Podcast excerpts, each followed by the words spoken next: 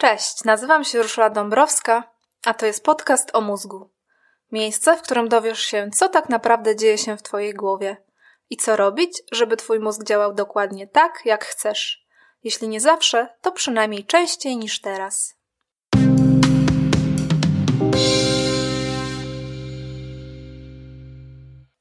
Dziś krótko i na temat.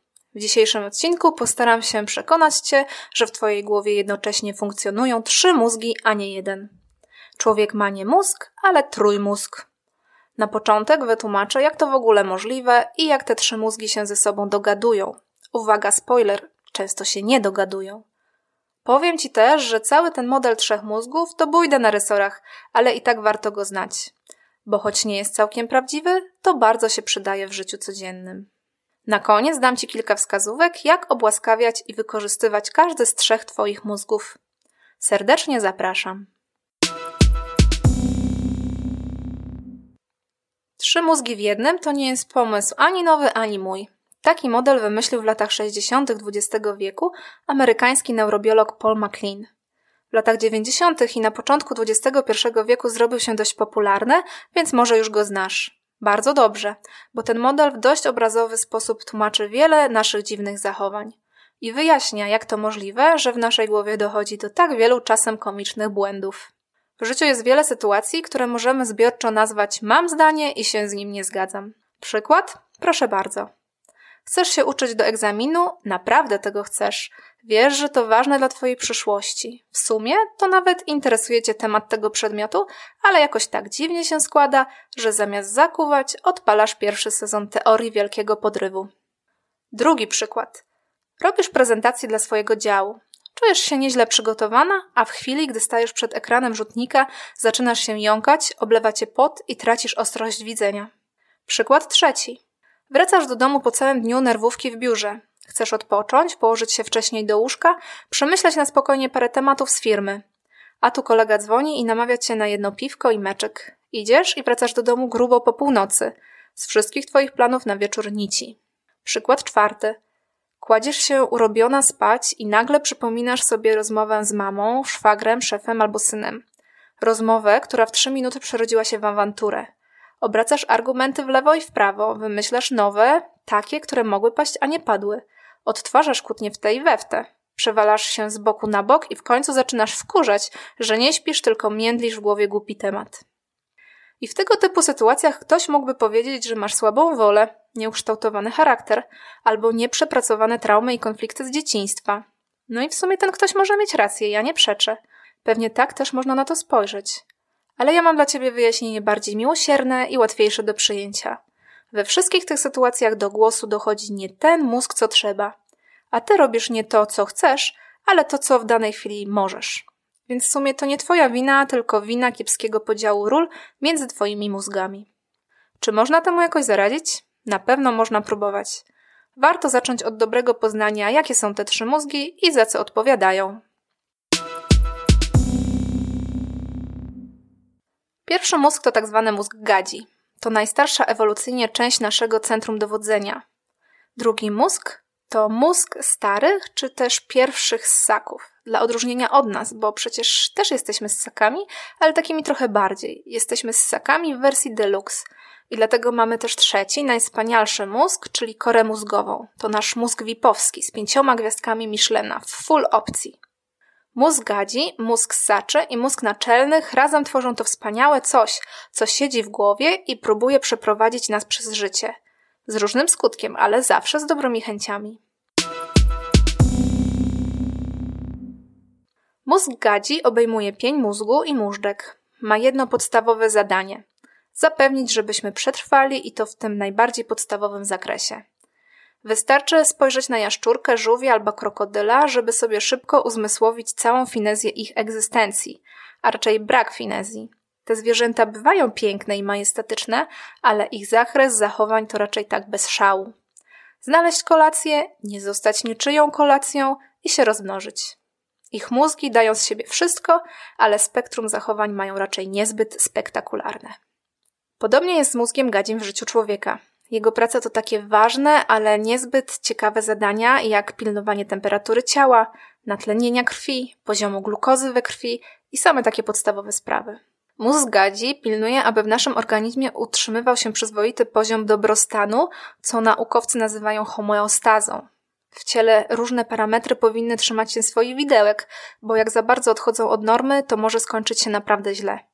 A mózg nie chce umierać, więc trzyma rękę na pulsie, tym metaforycznym i dosłownym też. Mózg starych ssaków to, jak łatwo się domyślić, ta część, którą współdzielimy z myszami, misiami i morświnami. To tak zwany układ limbiczny. Obszar podkorowy, który odpowiada za emocje i relacje społeczne. W jego skład wchodzi wiele struktur. To kora stara, hipokamp, ciała migdałowate i podzgórze. Układ limbiczny ma też wiele funkcji. Powinien informować o zagrożeniach i możliwościach w świecie. Po drugie, pilnować więzi międzyludzkich i bezpieczeństwa emocjonalnego. Mózg ssaczy odgrywa niezastąpioną rolę w rodzicielstwie. To dzięki niemu ssaki są w stanie opiekować się potomstwem. I dochodzimy do trzeciego mózgu, kory nowej. To ta pofałdowana masa, która wygląda jak orzeszek i przykrywa jak czapeczka resztę struktur w mózgu. Kora mózgowa pozwala nam planować, podejmować przemyślane decyzje, myśleć logicznie i kreatywnie. Wyobrażać sobie przyszłość i przypominać przeszłość. Myśleć i mówić, malować i śpiewać, grać w szachy i obrabiać zdjęcia w Photoshopie. Kora nowa zdaje się być tym, co sprawia, że jesteśmy ludźmi. Kora chce dla ciebie intelektualnej pożywki, działania, planowania, rozkminiania, porządkowania i kategoryzowania. Kora nowa chce znajdowania związków przyczynowo-skutkowych i zasad rządzących światem.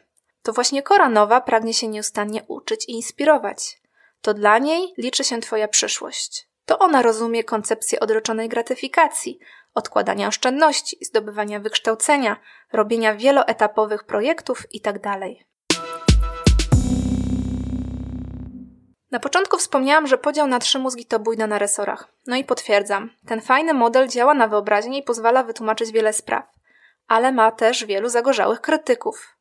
Najpoważniejszy zarzut jest taki, że w ludzkim mózgu te trzy systemy są tak naprawdę nierozerwalnie połączone. Kora czołowa nie jest dodatkiem, a częścią zintegrowaną z układem limbicznym, a nawet z mózgiem gadzim. Z kolei układ limbiczny, czyli mózg starych ssaków, to nie do końca wiadomo co. Nawet neuronaukowcy nie do końca są zgodni, co wchodzi w skład tego systemu, a co już nie. I fizjologicznie, i funkcjonalnie. Mózg ludzki po prostu jest całością, a podział na poszczególne funkcje jest potrzebny nam, żeby jakoś sobie wiedzę o mózgu układać. Bo umówmy się, mózg jest niezwykle skomplikowany, złożony, a przy tym wygląda jak półtora kilograma pofałdowanego tofu. Na pierwszy rzut oka bardzo ciężko doszukać się jakiegoś sensownego porządku. Wszystko ze wszystkim się łączy. Neurobiolodzy wyróżniają setki obszarów, podobszarów, zwojów, płatów, komór, zgórków, jąder, guzów itd. Tak Naprawdę ciężko się w tym szybko połapać. A z drugiej strony mamy taki elegancki podział na trzy mózgi. Trudno się dziwić, że zrobił karierę.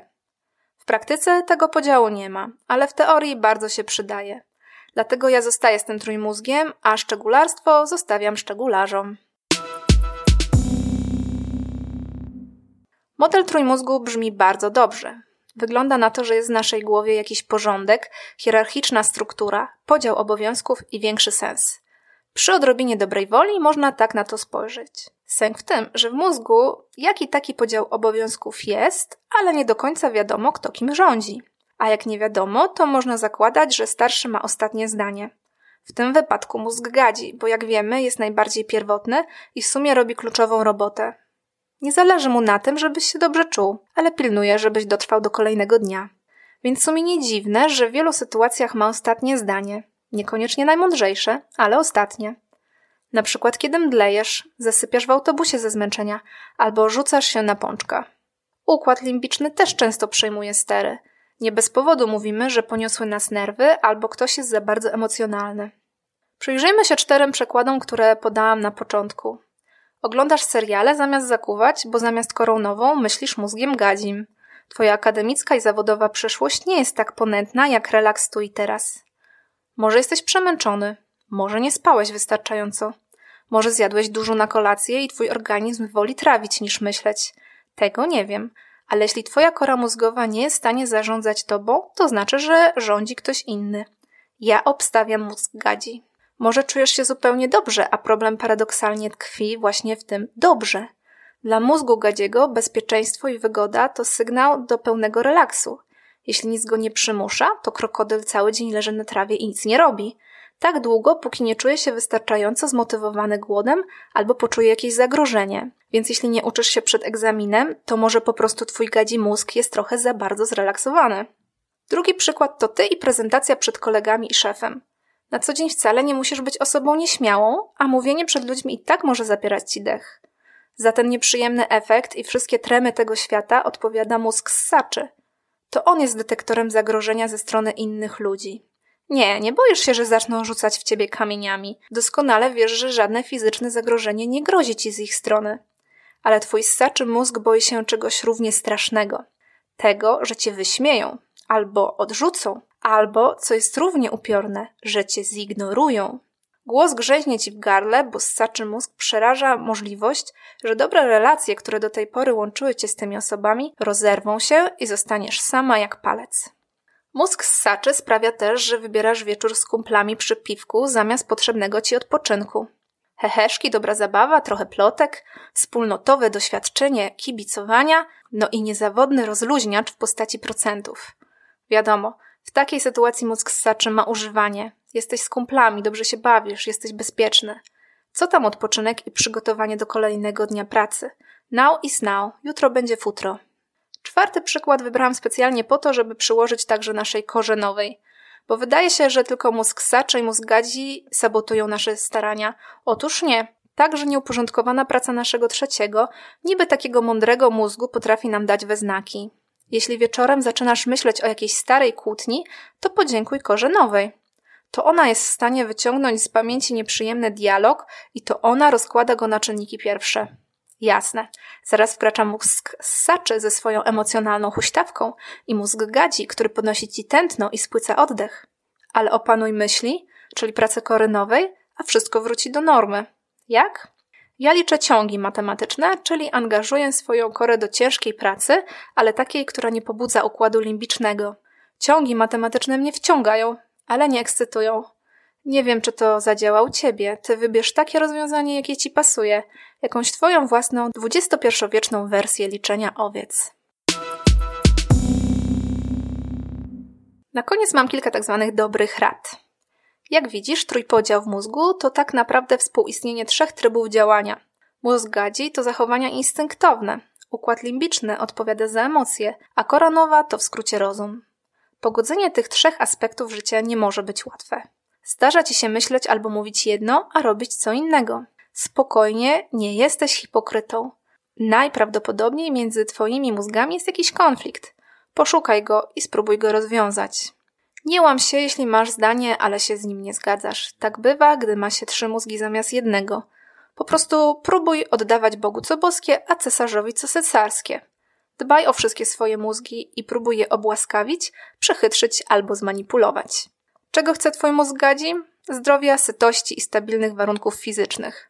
Dlatego wysypiaj się, odżywiaj, pij wodę, pilnuj badań okresowych itd. Tak Czego chce twój układ limbiczny? Ten to ma wiele pomysłów na minutę, więc obłaskawianie go wymaga więcej zachodu. Zadbaj o swoje życie emocjonalne, pilnuj poziomu stresu w życiu, pielęgnuj wspierające dobre relacje z innymi. Czego potrzebują Twoje płaty czołowe, Twoja kora nowa? Rozwoju i pożywki intelektualnej. Kora czołowa musi mieć zadania na swoją miarę. Potrzebuje wyciągać wnioski z doświadczeń i planować przyszłość. Dlatego karm się doznaniami, wyznaczaj cele, odkrywaj i ucz się. A czego konkretnie? To już zależy tylko od Ciebie.